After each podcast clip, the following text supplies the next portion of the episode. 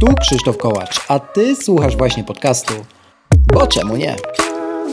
Usłyszysz w nim o technologiach, które nas otaczają i nas w tych technologiach zanurzonych. Sprawdzam, pytam i podpowiadam, jak korzystać z nich tak, aby to one służyły nam, a nie my im.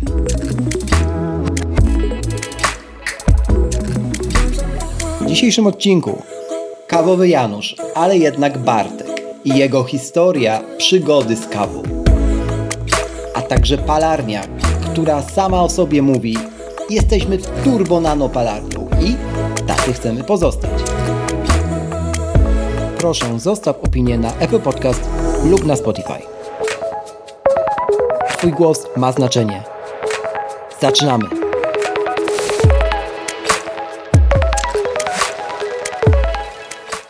Kawowy Janusz i Piotr Jerzewski to nie ta sama osoba, bo kawowy Janusz jest Bartkiem, jak się zaraz dowiecie.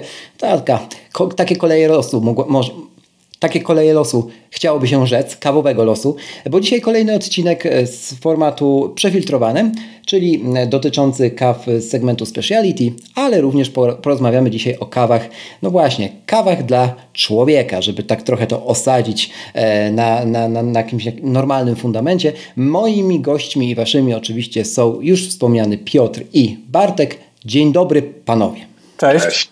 Dobrze, to zaczniemy od y, tej, mm, tego momentu, kiedy chciałbym Was zapytać, kim jesteście na co dzień, no i czym się zajmujecie. W imieniu trochę moich słuchaczy ten format dociera do kawowych oczywiście geeków i nerdów, ale też słucha go wiele osób, które dopiero chcą zacząć przygodę e, z trzecią falą kawową, czy z rynkiem e, kaw wysokiej jakości kaw speciality. Zatem zaczynając pozwolicie od e, tego dziwniejszego tworu, czyli od kawowego Janusza, który jest Bartkiem.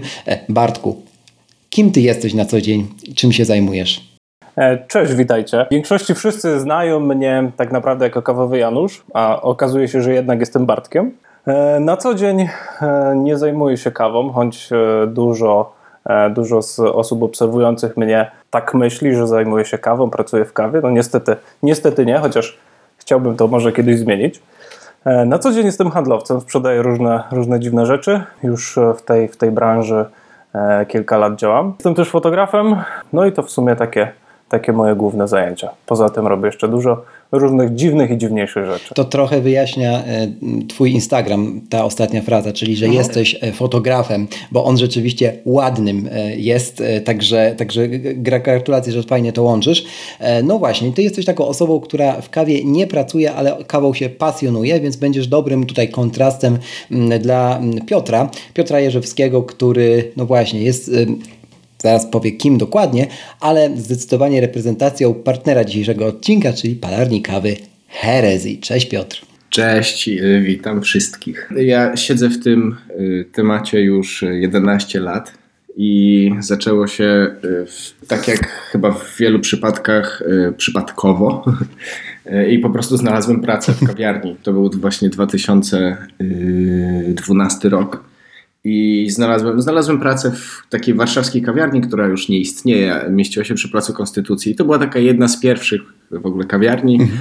które postawiły na, na tę lepszą kawę. Wtedy to jeszcze były czasy, gdzie palarni takich specialty w Polsce było dosłownie kilka. W całej Polsce. Przypomnijmy, że dzisiaj jest to liczone w setkach pewnie jakoś.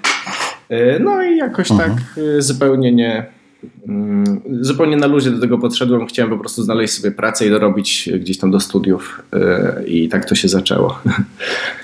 No właśnie, ale to też pokazuje, że y, z takiego mm, prostego, z takiej prostej potrzeby, jak dorobienie do studiów, można później zrobić karierę, bo jesteś też teraz Q-graderem, jeszcze trochę dzisiaj o tym pogadamy, ale e, kurczę, e, nieźle. E, no tak, ale wydaje mi się, że to jest taki w miarę, e, przynajmniej w tej, w tej kawowej branży, taki klasyczek. Naprawdę, znam, znam o proszę. osób, które, które się zajmują, zajmują tym właśnie no, długie lata. Ta, te, ci wszyscy kawowi, te wszystkie kawowe dinozaury, nazwijmy to w ten sposób i wielu, wielu z nich właśnie w ten sposób zaczynało. Okay. Albo najczęściej w sieciówkach w ogóle. Uh -huh. No tak, pamiętamy taką najsłynniejszą sieciówkę, która przyczyniła się do, do rozrostu w ogóle trzeciej fali kawowej w Polsce, mm -hmm. czyli e, Coffee Heaven, dzisiejszą kostę, chociaż wiele z nimi wspólnego już nie ma, e, przynajmniej jeżeli chodzi o jakość kawy na pewno nie. E, I e, no tak, rzeczywiście, to, to, to są takie historie, które, które gdzieś wracają. Mm, Bartek, a u Ciebie, jeżeli chodzi o tą pasję, bo mówisz, że je, nie pracujesz w kawie, chociaż kiedyś być, być może byś chciał. O, zastanawiam się, że wiele osób tak ma. Ja trochę tak mam, chociaż kawą się interesuję mm, i gdzieś tam rozwijam mm, jako domowy barista, ale e, no, też mam takie trochę marzenie z tyłu głowy, jak mówię, sporo osób, żeby swoje kawowe miejsce kiedyś, e, kiedyś mieć. Mm, jak ty myślisz, co ciebie tak przed tym powstrzymuje? No bo wiesz, wiele się słyszy, jeszcze Piotr się za chwilę do tego odniesiesz, e, wiele się słyszy, że no to kurczę, otwórz po prostu tą kawiarnię, nie? A jednak wiele osób nie otwiera. E, nie? Co mnie powstrzymuje? Wiesz co, no na pewno e, dużo, dużo kwestii. Przede wszystkim takie kwestie formalne. E, mi też zdarzało się gdzieś tam parzyć kawę dla ludzi i e, to jest super, to jest super przeżycie, jeśli możesz o tym porozmawiać, e, powiedzieć, co z czego wynika, czemu mhm. ta kawa ma taki smak, czemu przelewy są lepsze od zaparzajek i tak dalej, i tak dalej. Fajnie, fajnie szerzyć tą misję. E, no ale niestety otworzenie, otworzenie własnego miejsca e, no nie wiąże się tylko z tym. Bardziej, bardziej wiesz, e, chodzi mi o, o mhm. spięcie mhm. tego wszystkiego, o ułożenie tego w życiu i żeby nie robić tego na pół gwizdka. Jak już wchodzić w to, no to na 100% i najlepiej jak potrafię. Dlaczego jeszcze nie? No jest dużo kwestii takich, takich życiowych, które, które gdzieś tam mnie powstrzymują. Nie wiem, może, może też potrzebuję jakiegoś, jakiegoś takiego kopa kopa z tyłu od kogoś, e, bądź od czegoś, żeby, żeby gdzieś to, w tą stronę. Tak zwanego kliknięcia. Nie, Dokładnie. Nie, żebym na, nawiązywał, nie, żebym nawiązywał do komandanta, ale, ale już niech tak zostanie. E, Piotr, e, słuchaj, bo wy zaczyna, zaczynaliście w ogóle swój biznes z palarnią relatywnie niedawno z herezji i od razu zaczęliście go z wysokiego C. Zresztą teksty z waszej strony mogłyby posłużyć na niejedną grafikę część z nich tutaj w, tym, w tym, tej rozmowie dzisiaj padnie, ale to za chwilę. To jest trochę spójne z tym, co mówi Bartek, nie? że jeżeli już zaczynać przygodę w kawie, to zaczynać ją 200 mm, na 100 chciałoby się powiedzieć, a już na pewno 100 na 100. Wielu tak nie robi, nie? Jak ty patrzysz na rynek, gdzie już mamy setki tych kawiarni, palarni w sumie też, jeżeli chodzi o specyfikę Polski, bo to ogromny boom ostatnio przeżywa ją palarnie, mikropalarnie, nanopalarnie, etc. Wielu o tym myślisz, że zapomina, czy dla wielu to nie 100 na 100 mm, jest wystarczające i po prostu jakoś to będzie? Bo to jest ciekawe. Hmm? Wiesz co, ja, ja mm, to traktuję trochę w kategoriach mody, wiesz? Y, mody na różne tam zjawiska. Y, I do, dobrą analogię można sobie nakreślić do, do branży piwnej, która powiedzmy, ta rewolucja piwna mhm. w Polsce się zaczęła chwilę przed kawą i Mm, weszły na scenę w, w, no, te kraftowe browary. Na samym początku y, Pinta, czy tam Ale Browar, założony przez tak. no, takich mhm typowych zajawkowiczów, e, piwowarów domowych i tak dalej.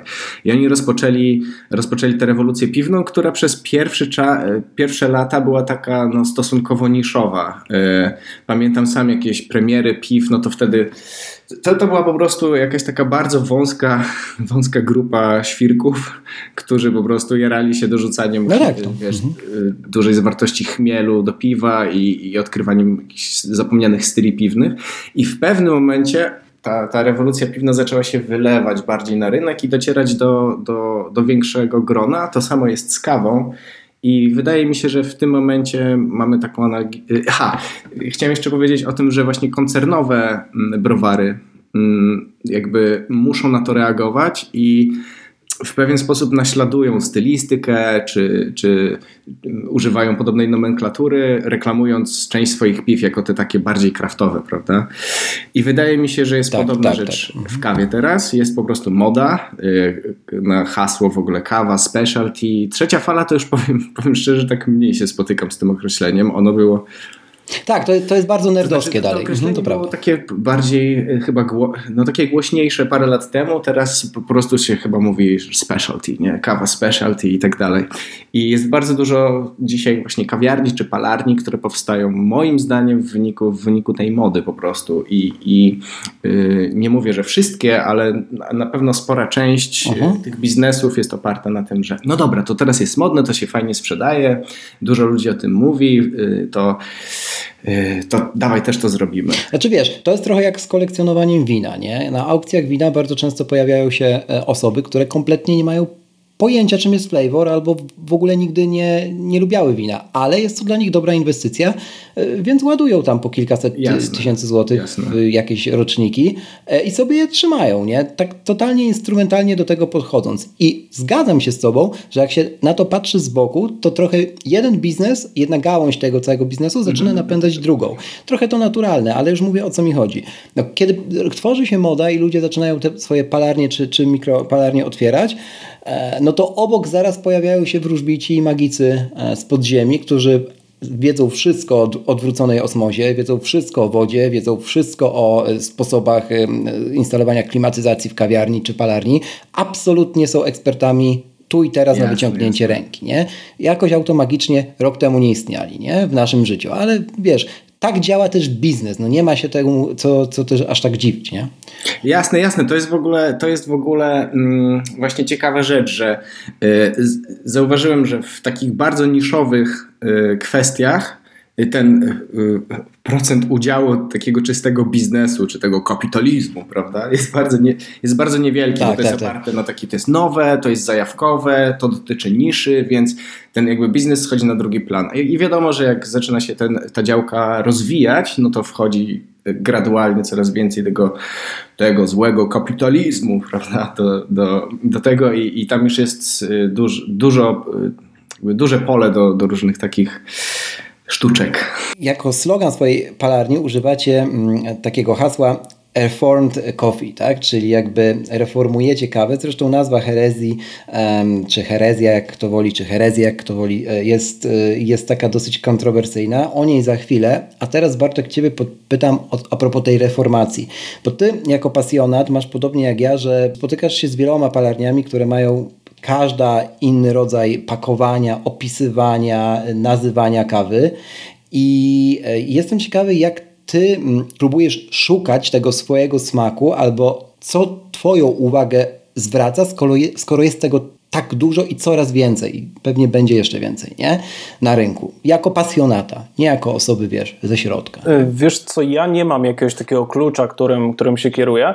E, może taki mały klucz to jest to, że lubię e, na pierwszą kawę z jakiejś palarni wybrać e, Brazylię pod przodem, okay. bo z Brazylią można zrobić dużo. Można, można wybrać fajne ziarno, można je fajnie wypalić, można, można wybrać ziarno z jakąś ciekawą obróbką. E, no można poszaleć. To jest taki, to jest taki klasyczek. Też, też ci, co mnie obserwują, wiedzą, że lubię, lubię pizzę e, i jak idę do jakiejś nowej pizzerii, to zazwyczaj zamawiam mhm. taką, taką podstawową, mega, mega najmniej składników. Mhm. Najmniej składników, tak żeby sprawdzić, jakie jest ciasto, jaki dają podkład pomidorowy. I tak samo w kawie, analogia. Im takie bardziej popularne ziarno, to wtedy bardziej pokazuje podejście palarni e, do tego, jak, e, jak działają z tą kawą. Z Heresami też było tak. E, oni też mieli, mieliście Piotrek jakąś Brazylię chyba na początku, z tego co pamiętam, nie? Mm, Brazylię na początku? Nie, na, na samym początku nie mieliśmy Brazylii na pewno.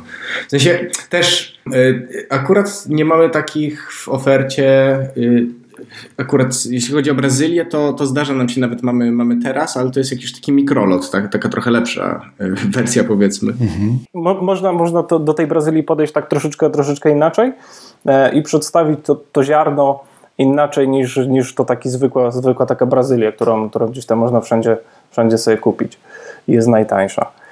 Mhm. No ale tak e, już gdzieś tam odpływam trochę o pizzy, trochę o kawie. E, wracając, e, nie, nie sugeruję się niczym konkretnym wybierając palarnię czy kawę. Lubię sobie popróbować. Lubię popróbować kawę, lubię popróbować różnych metod obróbki. Mhm. No i lubię się zaskoczyć. Jeśli, jeśli gdzieś tam spodoba mi się spodoba mi się kawa, spodoba mi się to, jak roasterzy do tego podeszli, no to staram się też dzielić moimi, moimi odczuciami dalej. Mhm. To ja powiem, jak to u mnie wyglądało tak na samym początku. Mm, na samym początku miałem Chyba trochę tak jak spora część osób, które y, poznają speciality, w sensie szukałem czegoś, co jest najbardziej świecące i najbardziej pokazuje, że ktoś jest Glamour Pro e, Max Ultra, e, zarówno jeżeli chodzi o opakowania, jak i o opis na tych opakowaniach, jak i o persony na Instagramie. E, absolutnie teraz to ja sobie cenię po pierwsze kreatywność w tych wszystkich etykietach i czy opakowaniach, a po drugie kreatywność, ale podpartą prostotą, nie? bo w sensie z biegiem e, tych lat, a to już szósty rok, kiedy, kiedy parzę i gdzieś tam, e, e, gdzieś tam próbuję tego wszystkiego, co mi z tego, że ktoś ocieka srebrem czy złotem zewsząd, jak ja nie rozumiem, co on mi ma do powiedzenia, nie? Dla przykładu akurat, żeby odnieść, odnieść się też do herezji, bo trzymam sobie teraz w ręku Kenię od Was. I w ogóle to, że Wy macie plastikowe opakowanka, które słoiczkami są właściwie. Można je później reużyć. Nie wiem, ja sobie na przykład będę w nich część przypraw w domu trzymał, bo one są całkiem, całkiem fajne. I e, to jest po pierwsze już pójście pod prąd, bo każdy robi gdzieś tam wszystko, co jest absolutnie, maksymalnie papierowe. I ja niekoniecznie uważam, że trzeba to zewsząd e, tym em, e, emanować, że tak się wyrażę. Mhm. Wy robicie to po swojemu, a z drugiej strony opis u Was znajduje się na wieczku i jest podany infograficznie tak, no naprawdę mega prosto. To jest coś też oryginalnego, bo to koło, koło smaków można by to tak nazwać, upraszczając, y, na którym jest kilka właściwie słów, ale to są najważniejsze słowa, które laik powinien wiedzieć o kawie, kiedy ją bierze y, do ręki, zanim jeszcze w ogóle zaparzy. O, gdzieś tam jakiś QR kod na boku, to oczywiście mm, dla tych, co chcą więcej, ale wiesz, pro, prostota, nie? I, I prostota jednocześnie kreatywna prostota, mnie się to na przykład od razu w oczy rzuciło i spodobało, bo już widziałem takie podejścia w jednych chyba z duńskiej, w jakiejś duńskiej palarni chyba, ale mm, no spoko, tam to było kreatywne, tylko że kreatywne i za dużo było informacji przy okazji. U Was jest kreatywne i jest minimalnie ile, ile, potrzeba. Także ja sobie to doceniam i chyba teraz jakbym miał spuentować właśnie to moje podejście, no to hmm. szukam takiej kreatywnej e, prostoty. Wiem, że to dziwnie brzmi, ale... No. E, dzięki, to w ogóle miło słyszeć. Jeśli mogę, tylko bym chciał się odnieść na Proszę. chwilę do tych opakowań, o których wspomniałeś, bo... Tak myślałem, specjalnie. No. To też rodzi, to rodzi emocje. To rodzi emocje w no. internecie. No. Jeśli chodzi o, o tworzywo, z którego są.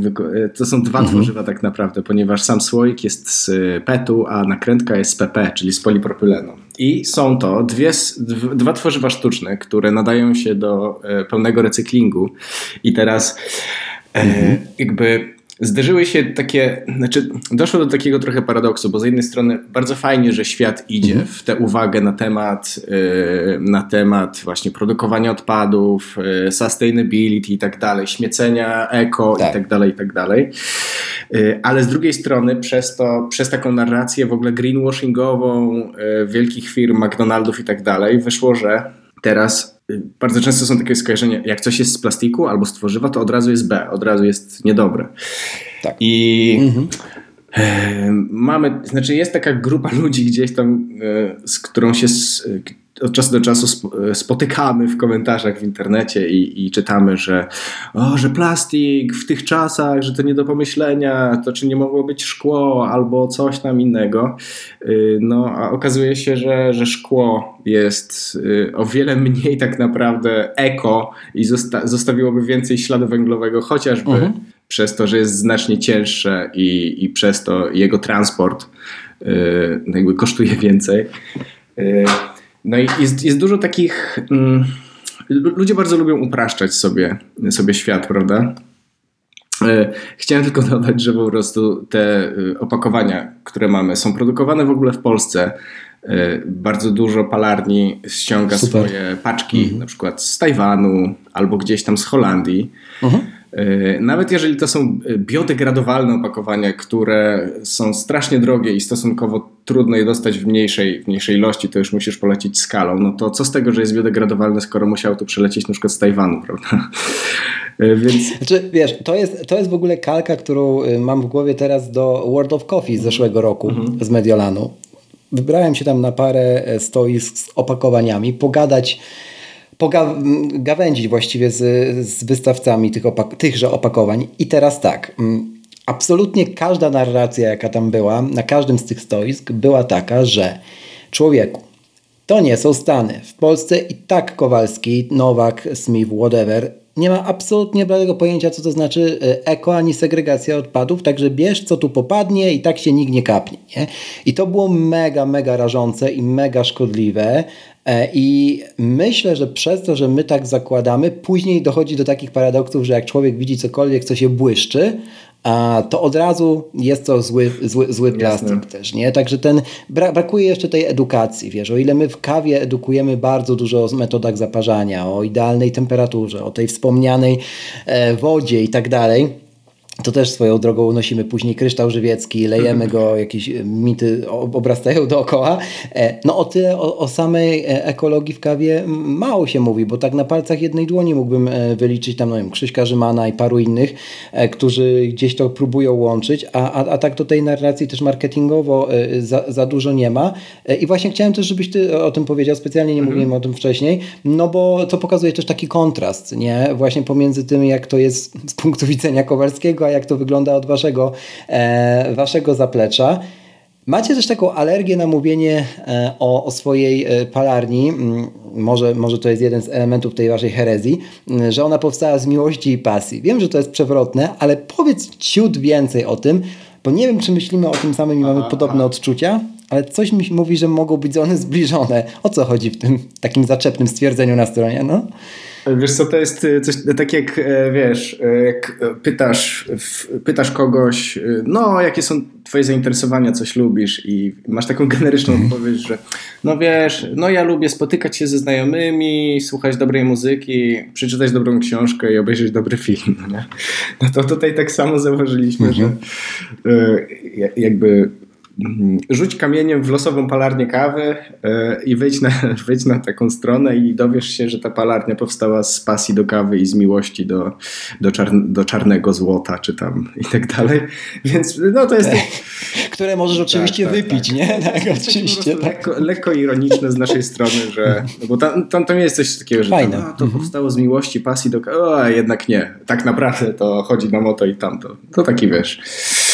No, tak. no taki mhm. drobny żarcik. To już jest też dyskusja na pewnie oddzielny podcast, ale pytanie jest takie, czy w 2000, tam, czy nawet już 20, nawet w tym, w którym zakładaliśmy palarnię, czy, czy teraz, czy świat potrzebuje kolejnej palarni specialty w Twoim mieście? No nie? I można to, na to odpowiedzieć mhm. na dwójnasób, w dwójnasób na pewno. Nie? Wrócimy do tego jeszcze akurat w tym odcinku, bo, bo mam jedną anegdotę z tym związaną, ale teraz chciałbym Bartek e, poprosić Ciebie o mm, takie e, rzucenie jakby światła z punktu widzenia właśnie człowieka e, znowu i który, konsumenta, który jest właśnie konsumentem, ale też pasjonatem, być może z miłości. Więc oczywiście jak najbardziej jakbyś nam powiedział tutaj testując różne metody przygotowywania tej kawy, ucząc się tych metod, chodząc pewnie na cuppingi i tak dalej, spotykając tam ludzi mm, też po, o podobnej pasji czy miłości, o jak ty widzisz w ogóle to community kawowe, nie? Używając już brzydkiego anglicyzmu, ale nie mam lepszego, społeczność kawową, o, może tak, w Polsce. E, wiesz co, to jest społeczność, która z roku na rok e, jest coraz większa. Ja obserwuję to już tak e, dogłębnie od jakichś 5-6 lat E, I z roku na rok e, to się powiększa, tych ludzi jest coraz więcej. E, ja najbardziej mogę się wypowiedzieć właśnie, no, jeśli chodzi o, o mnie jako konsumenta, bo też tak mhm. mimo wszystko podchodzę do tego rynku kawy i do, do tego, co robię. Więc jestem konsumentem i tych konsumentów świadomych jakości kawy jest coraz więcej. Ja sam na, na moim profilu przeprowadziłem tysiące rozmów właśnie co wybrać do parzenia, jakie ziarno wybrać e, i mhm. no, zacząłem działać na, na, na Instagramie od e, chyba, tak, od 2018 roku i z roku na rok e, mhm. tych ludzi, którzy interesują się jest więcej. Ale też to community, jak ładnie powiedziałeś, bardzo się zaczęło profesjonalizować. Wydaje mi się, że mm, tych home baristów, coffee geeków można podzielić na, na takie dwie grupy.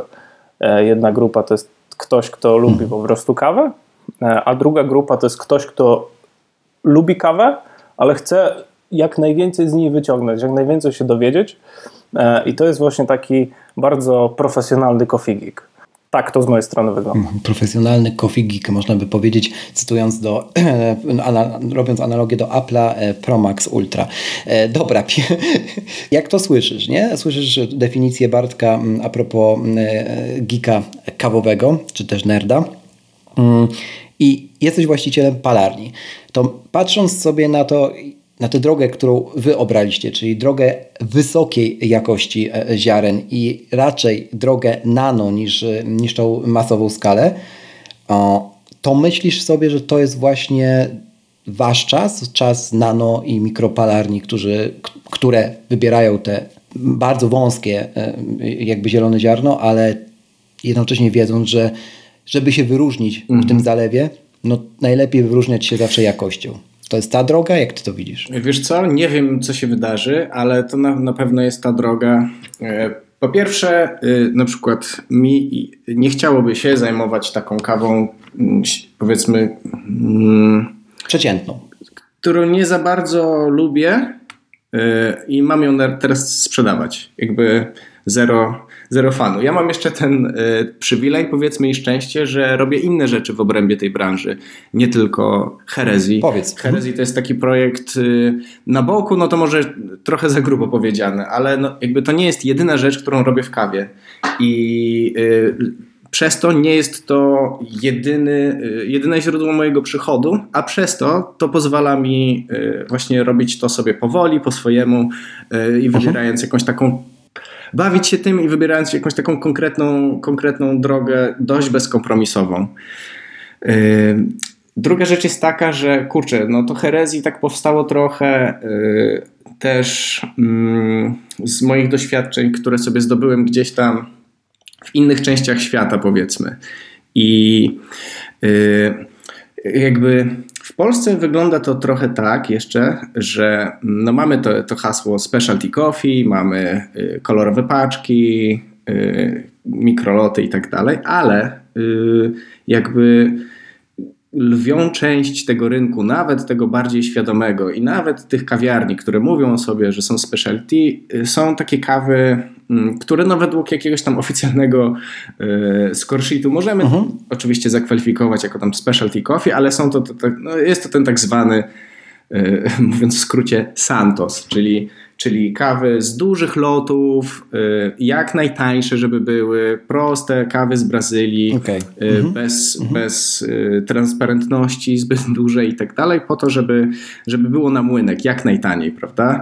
I, i tak, to, tak to dalej działa. Ja jakby nie dziwię się temu, no bo czynnik ekonomiczny jest y, ultra istotny, szczególnie w takim kraju jak Polska, który jest jeszcze w tym momencie w ogóle w środku kryzysu ekonomicznego i inflacja. No nie nie, trzeba o tym mówić. Wszyscy wiemy, jak, jak, jak to wygląda. I widzimy to. Ale mhm. tak, i z drugiej strony, y, ostatnio jak byłem w ogóle, ostatnio byłem w Kostaryce y, służbowo i tam przez chwilę, y, przez chwilę spędzałem czas z taką dziewczyną z Korei Południowej, która która jest, okay. Y, no, z angielskiego to się mówi green coffee buyer, czyli no, jest kupczynią, kup, kupczynią, to jest, mhm. kupczynią, tak, kupczynią, kupczynią kawy. Dobrze powiedziałeś, w sensie tak jest. Ona po prostu mhm. jeździ po świecie i sorsuje kawy dla y, takiej koreańskiej palarni, która jest, która istnieje tam już chyba z 20 lat w ogóle, to jest palarnia specialty mhm. i y, mają kilka swoich y, kawiarni tam w Korei Południowej no,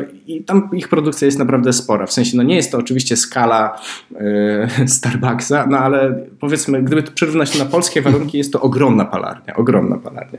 I pytam się jej, czy kupują coś z Brazylii, y, jakieś kawy. Ona mówi, mm, wiesz co, nie, nie za bardzo, bo no czasami tam mamy, mamy taki jeden blend, taki jeden produkt, gdzie jest tam chyba 20 czy 30% kawy z Brazylii, ale tak to nie kupujemy, bo y, no, nasi klienci, nasi klienci jednak y, jakby dbają o to, żeby ta kawa była trochę wyższej jakości i żeby była trochę ciekawsza w smaku, no nie? I mówi mi to No, mówi mi to y, jakby dziewczyna, która pracuje dla palarni Specialty, która rozwinęła się, w, oni tam palą, nie, nie wiem dokładnie ile palą, nie chcę skłamać, no ale na pewno jest to więcej niż 10 ton miesięcznie.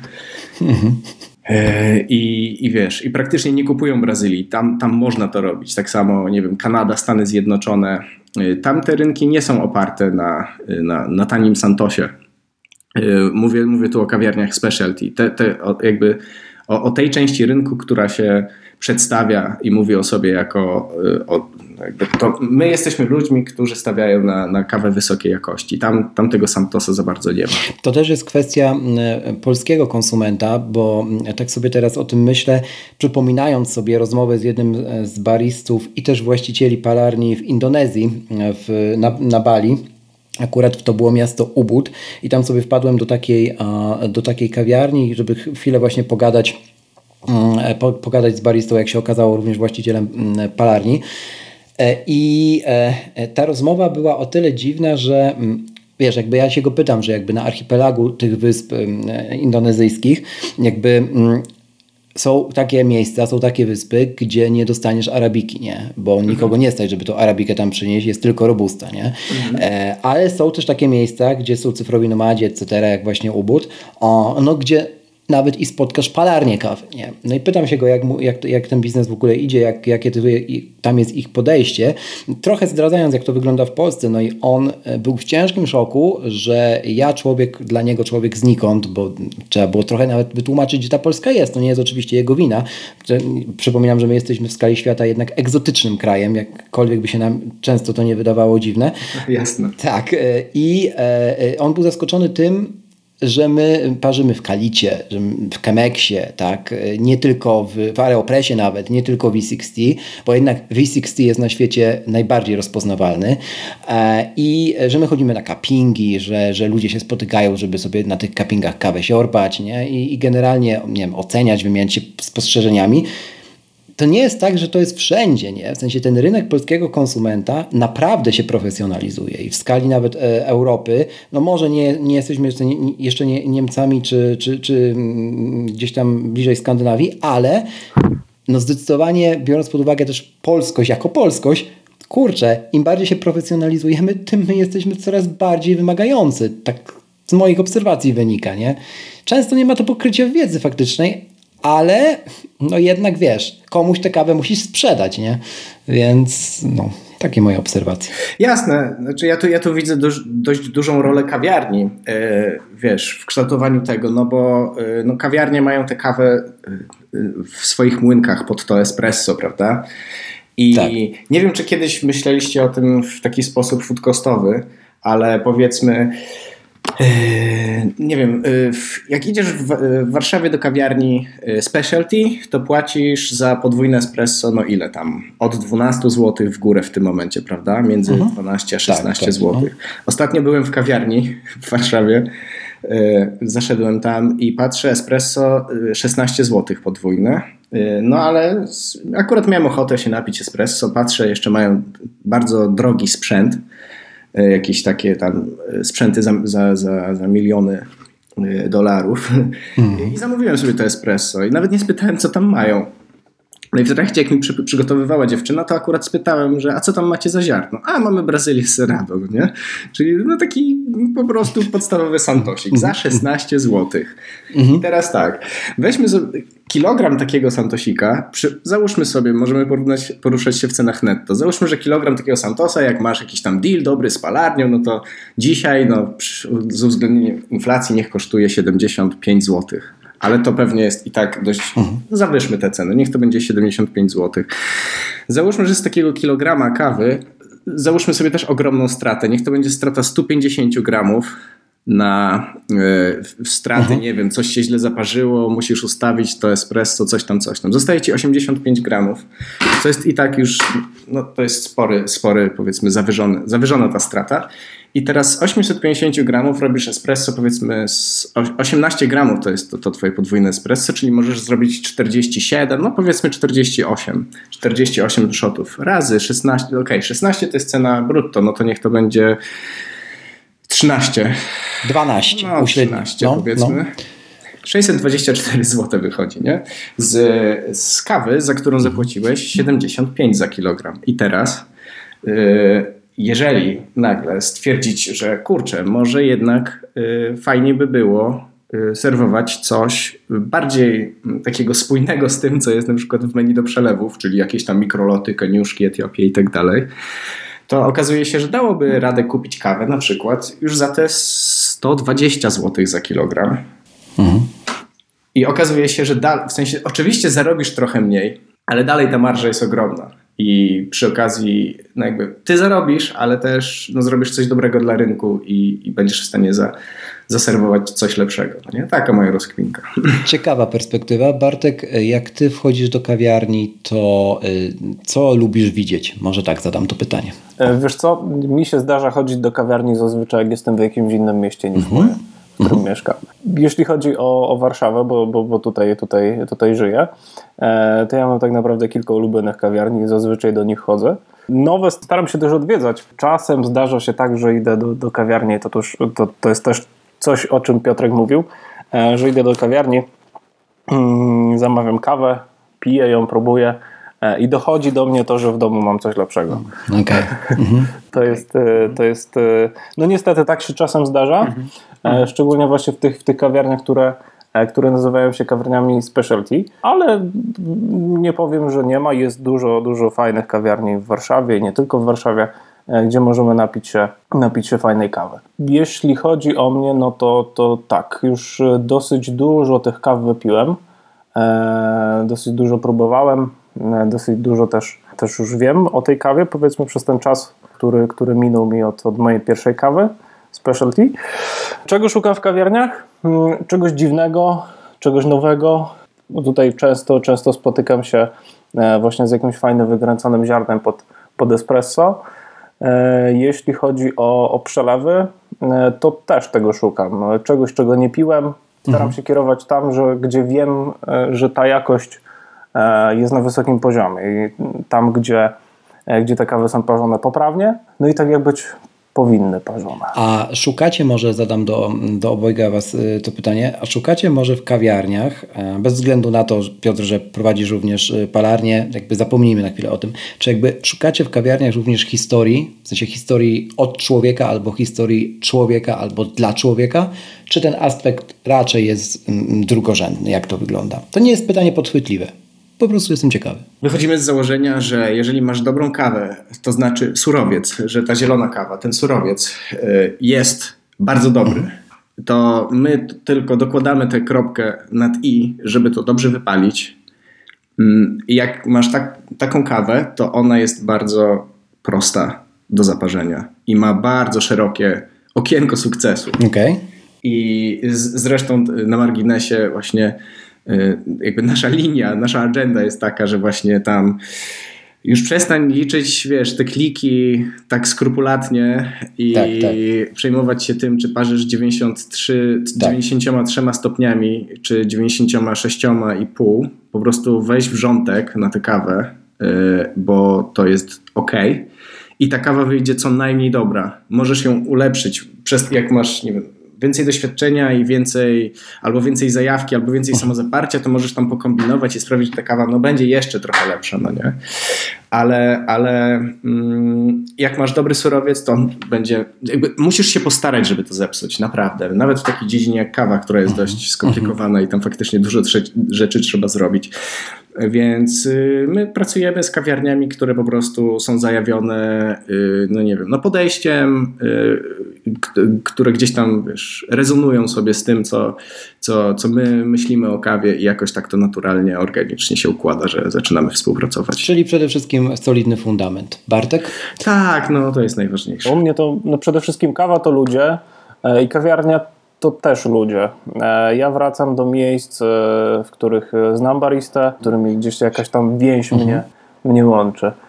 Cenię sobie to, że, że gdzieś tam mogę porozmawiać o tej kawie, zawsze znajdzie się czas dla mnie, e, bo też no nie, nie jestem takim, takim powiedzmy standardowym klientem. E, lubię, lubię pomęczyć tych baristów, popytać o ziarno, e, o sposób parzenia, o to, co tam powinni, powinienem znaleźć w tej kawie. E, więc jestem takim trochę trudnym i upierdliwym klientem. A, pod, ja, ja z rozmów z, ze, ze, znajomymi właśnie baristami czy właścicielami kawiarni wiem, że taki klient jest trochę trudny dla młodego, dla młodej załogi, może tak, e, kawiarni, e, zwłaszcza takiej, która, no nie wiem, jest na pierwszych dniach swojej kawiarnianej przygody, ale z drugiej strony dla właścicieli jest na wagę złota, no bo przynosi feedback, który który sam w sobie jest cenny, nie? A jeszcze jak, jak tam coś więcej o tej kawie wie, no to, no to zawsze fajnie e, pogadać.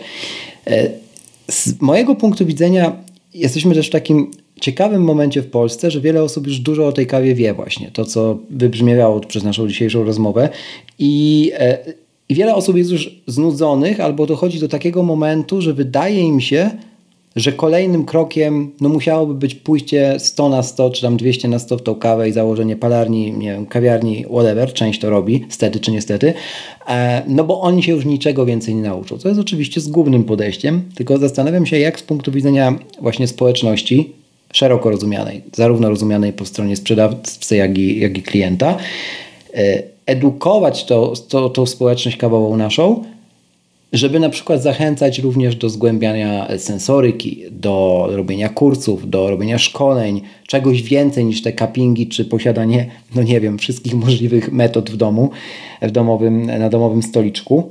No bo to się zaczyna robić problem, nie? W sensie ja tak jak rozmawiam ze znajomymi, to naprawdę mam wrażenie, że ci ludzie by chcieli, tylko totalnie nie wiedzą, gdzie dalej iść. Może od Piotra zacznijmy. Mówisz o takiej zawodowej stronie, jak, to sobie sprofesjonalizować bardziej. Tak że mi się wydaje, że już dużo wiem na przykład, nie? Mhm. Załóżmy jako home, barista, czy jako osoba, jako ten kawowy geek jak będzie, o, ale totalnie wiem, że nie chcę kawiarni. A z drugiej strony chcę dalej iść profesjonalnie w to, nie? No i tak sensoryka mi wychodzi okay. tutaj pierwsza na, mhm. na plan, no tylko, że nikt jej nie sprzedaje, nie? Może i dobrze, bo nie każdy do tej sensoryki jest urodzony. No nie wiem. No, no pier pierwsza rzecz może to jest taka, mm, wyobraź sobie no, ten łańcuch taki kawowy, Y, który się mhm. zaczyna w miejscu produkcji kawy, a kończy na naparzeniu. I wiesz, po drodze jest mhm. tam kilka, kilka etapów. Czyli no masz produkcję kawy, później masz eksport kawy, później masz import kawy, później masz palenie kawy i parzenie, powiedzmy w dużym skrócie. No to może na, na początek, wiesz, zastanów się, w którym miejscu tego, tego łańcucha, łańcucha chcesz się znaleźć. Nie? No bo jeżeli interesuje. No i powiem na swoim przykładzie. Ja pracowałem jako ten barista i wiesz, po roku, może roku z hakiem, stwierdziłem, że.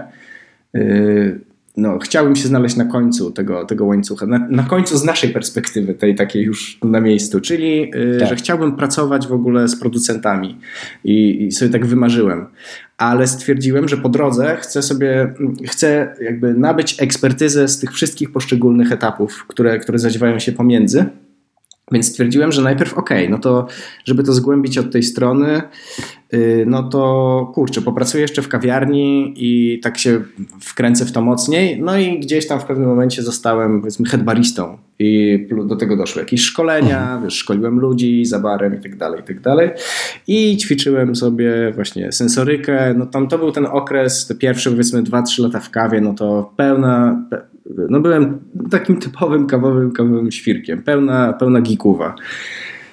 E, no i w, w, pewnym momencie przyszedł czas, że stwierdziłem, dobra, to teraz chcę się nauczyć palić kawę. W ogóle jest to mi temat obcy. E, na tyle, ile mogłem, to już zgłębiłem e, jakby tę kawę od strony kawiarni, zarządzania barem, po prostu przedstawiania tej kawy ludziom. Nie?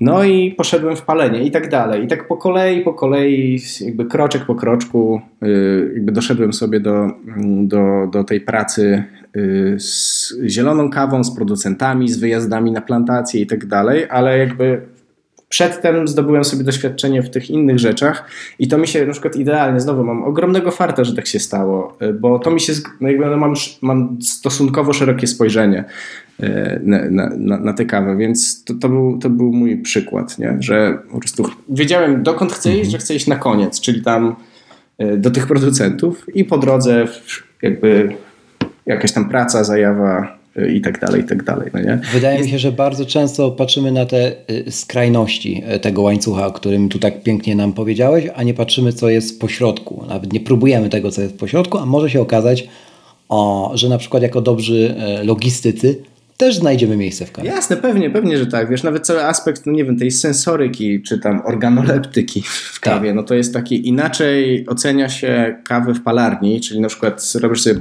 production cupping, czyli oceniasz sensorycznie roast jakość wypału. A czym innego jest, y, wiesz, mhm. sensoryka właśnie w przypadku kawy zielonej, kiedy musisz wypalić próbkę i ocenić jakość nie wypału, tylko kawy, nie? Y, I, I to jest też, to są dwa tak naprawdę dwie zupełnie różne prace, więc py, podstawowe pytanie, podstawowa kwestia to jest ta kwestia z znanego wszystkim Polakom filmu e, komediowego i, i ten cytat, że musisz spytać się, co chcesz w życiu robić, co chcesz w kawie robić i potem to rób. E, no. Bartek? E, ja Piotrkowi bardzo zazdroszczę, że mógł to ten temat kawy dotknąć z tak wielu miejsc na pewno fajnie, fajnie sobie poznać to, e, z, z, będąc właśnie baristą, będąc, e, będąc palaczem, mówiąc tak bardzo po polsku. E, ja trochę mm, mam bardzo nikłe doświadczenie w byciu baristą, nawet bym się tak nie nazwał, bo, bo gdzieś tam kilka razy zdarzało mi się tą kawę dla ludzi parzyć i, i, i bardzo dużo frajdy mi to przyniosło. Tak samo jak poznawanie sensoryki w kawie. Chyba na tym samym poziomie to zestawił. Właśnie sensoryka i, i parzenie kawy dla ludzi. E, zresztą w domu, jak przychodzą do mnie, do mnie znajomi, to dostałem e, wykład o kawie, plus samo Masz dużo znajomych? Czy... Masz dużo znajomych? Wiesz co? Czy coraz mniej? Odkąd zacząłem im parzyć kawę i o niej mówić, to troszeczkę mniej. No tak myślałem, no kontynuuj. No Bartek, Bartek, kiedy będziemy grać w końcu w tę FIFA? Ja już tam... tak, a ja kręcę ten e, e, ziarno komendantem do espresso, nie? Wiertarką. No, kontynuując. To też mi się zdarzało. E, nie, wiesz, wiecie co, mam, mam takich e, wyrozumiałych znajomych. Zazwyczaj słuchają i zazwyczaj im się podoba. Także chyba nie jest. No to na koniec, moi drodzy, zadam wam takie pytanie, pewnie z cyklu dziwnych. Największe albo takie najbardziej zapamiętane aha momenty w waszej kawowej e, przygodzie, coś co wam e, zmieniło postrzeganie na kawę i ten rynek, albo co stanowiło taki moment definiujący, może to być również wysadzenie aeropresów w sufit. E, co, co to było? Piotr, zaczniemy od ciebie. Ojej, ja takich momentów na pewno miałem wiele, e, ale powiedzmy jednym z takich, które przychodzą mi do głowy teraz na szybko, to chyba to, jak zacząłem palić kawę i w pewnym mhm. momencie zobaczyłem, że jako barista wcześniej czasami wymagałem może od siebie za dużo i po prostu chciałem dokonać niemożliwego. W sensie miałem jakieś ziarno okay. mhm. E, z palarni, e, która teoretycznie no, jest dobra, więc to ta kawa powinna być dobra. Mhm. I ja nie mogę jej zaparzyć tak, żeby to było smaczne. I często się dojeżdżałem, no nie? I tam próbowałem na 17 tysięcy sposobów zaparzyć tego dripka i to nie działa, to nie działa. Kurde, to chyba nie jestem zbyt, zbyt dobrym baristą jednak. Nie? Mhm. A potem się okazało, że jak zgłębisz bardziej, zdobędziesz trochę więcej wiedzy na temat tego produktu, to może się okazać, że na przykład coś z tym wypałem było nie tak, a nie byłeś w stanie tego. tego. I potem analogicznie w palarni, no nie? że też zauważyłem, że sporo roasterów. Y, o, moja babcia, która jeszcze żyje i pozdrawiam ją serdecznie, miała takie powiedzonko. Pozdrawiam. E, zawsze e, powtarza, że z gówna bata nie ukręcisz. to, to zapamiętałem, bo to, to od najmłodszych lat pamiętam, jak tak mówi. I, I, to jest właśnie to w kawie. Nie? I analogicznie w palarni, że czasem roasterzy próbują po prostu wykrzesać nie wiadomo co z ziarna, które po prostu tego w sobie nie ma i, i, i robią 17 znowu tysięcy jakiś tam test baczy, tu taki kolor, tu taki, tu dłużej, tu krócej, tu wrzucę w wyższej temperaturze, tu w niższej i okazuje się, że po prostu może tam tego nie ma, czego szukasz po prostu i to nie twoja wina. Więc hmm. dużo miałem takich aha momentów y, na poszczególnych, na poszczególnych etapach. Bartek? Wiesz co, też miałem bardzo dużo takich, takich momentów, które były największym zaskoczeniem. E, na pewno taki pierwszy, pierwszy, pierwszy moment, e, który miałem, no to było to, jak pewien, barista w kawiarni zaproponował mi, żeby zamiast tego americano, które zawsze zamawiam, wziąć sobie taki jakiś przelewik. No i wtedy się, wtedy się gdzieś tam dużo w mojej głowie zaczęło dziać, że kurczę, to ta kawa jednak nie musi być gorzka, kwaśna, e, i, i, i nie musicie tylko pobudzać, tylko jeszcze możesz iść e, w tą sensorykę, możesz poczuć coś więcej. Później następne zaskoczenie, to jak zacząłem chyba parzyć kawę sam w domu. Do tego bardzo mocno się moja żona przyczyniła, która gdzieś tam pchnęła mnie w, w, w, w, w tym kierunku, e, bo ja też tak trochę nie chciałem w to wchodzić, bo znam siebie i, i wiem, że e, jak mi się coś spodoba, to wchodzę w to na 100%. No i tak się stało. Stety, niestety, chyba stety. Ale takim najświeższym zaskoczeniem, e, o którym warto powiedzieć, warto, żeby, żeby ktoś o tym usłyszał, to jest zmiana, zmiana wody. Parzenie mhm. na wodzie, która, która jest dostosowana do kawy. E, tutaj mówiłeś o krysztale żywieckim. Można też gdzieś tam jeszcze bardziej mocniej wejść, czy, czy pożyczyć kawę od, e, od, e, od kawiarni, czy gdzieś tam kawę samemu sobie w domu ukręcić. Co bardzo polecam, bo to jest bardzo, bardzo dużo, bardzo, bardzo otwiera oczy na, na nowe doświadczenia w kawie. Ja jeszcze, jeszcze przypomniałem sobie jeden efekt, aha, w kawie, jeśli mogę. To jak pierwszy raz przeczytałem o efekcie Dunninga-Krugera w kontekście kawy. To już nie będę, nie będę gadał, jak ktoś by chciał, to można sobie zgooglować e, efekt Dunninga-Krugera i wszystko. Masz w 100% rację, Piotr, a ja jeszcze do, do, od siebie dodam, że ten efekt i wiele innych efektów czy błędów poznawczych znajdziecie szeroko opisanych z przykładami również ze świata gastronomii w książce Daniela Kahnemana Pułapki e, myślenia. Także gorąco, gorąco też polecam, nawet w tak mhm. powiedziałbym, rzemieślniczym e, życiu, jakim jest życie w gastronomii, e, sobie tę książkę przeczytać, bo ona jest ponadczasowa i otwiera oczy na wiele, wiele, wiele e, aspektów po obu stronach. Po stronie tego, który kawę pije i tego, który ją parzy, serwuje czy wypala. Panowie, bardzo Wam dziękuję za przesympatyczną rozmowę. Fajnie się gadało. Dzięki. Ja mam wrażenie, że nie zdążyliśmy pogadać o wielu rzeczach, ale zawsze tak jest. Tak, też mam dokładnie takie wrażenie. Gdzieś tam, gdzieś tam zrobiłem sobie taką mapę myśli e, i to jest jakieś, nie wiem, może 30-40%, o którym gdzieś tam poruszyliśmy. I e, w związku z tym prośba do Was, drodzy e, słuchacze, jeżeli chcecie jeszcze raz ten duet usłyszeć w ramach formatu przefiltrowane, to dawajcie znać wszędzie, gdzie tylko da się e, zostawić jakiś komentarz. Przede wszystkim oczywiście pod adresem boczemunie.pl ukośnik zapytaj. Tam w formularzu możecie zgłaszać pomysły na kolejne odcinki, także te kawowe, do czego gorąco Was zachęcam. Do dyspozycji jest również Instagram, zarówno Instagram Herezji czy Kawowego Janusza, a także mój i tego podcastu podcastu boczemunie.pl. E, za dzisiaj bardzo dziękuję. Mam nadzieję i coś chyba takie mocne przekonanie, że do usłyszenia w tym trio jeszcze co najmniej raz. Dzięki panowie raz jeszcze. Dzięki. Dzięki.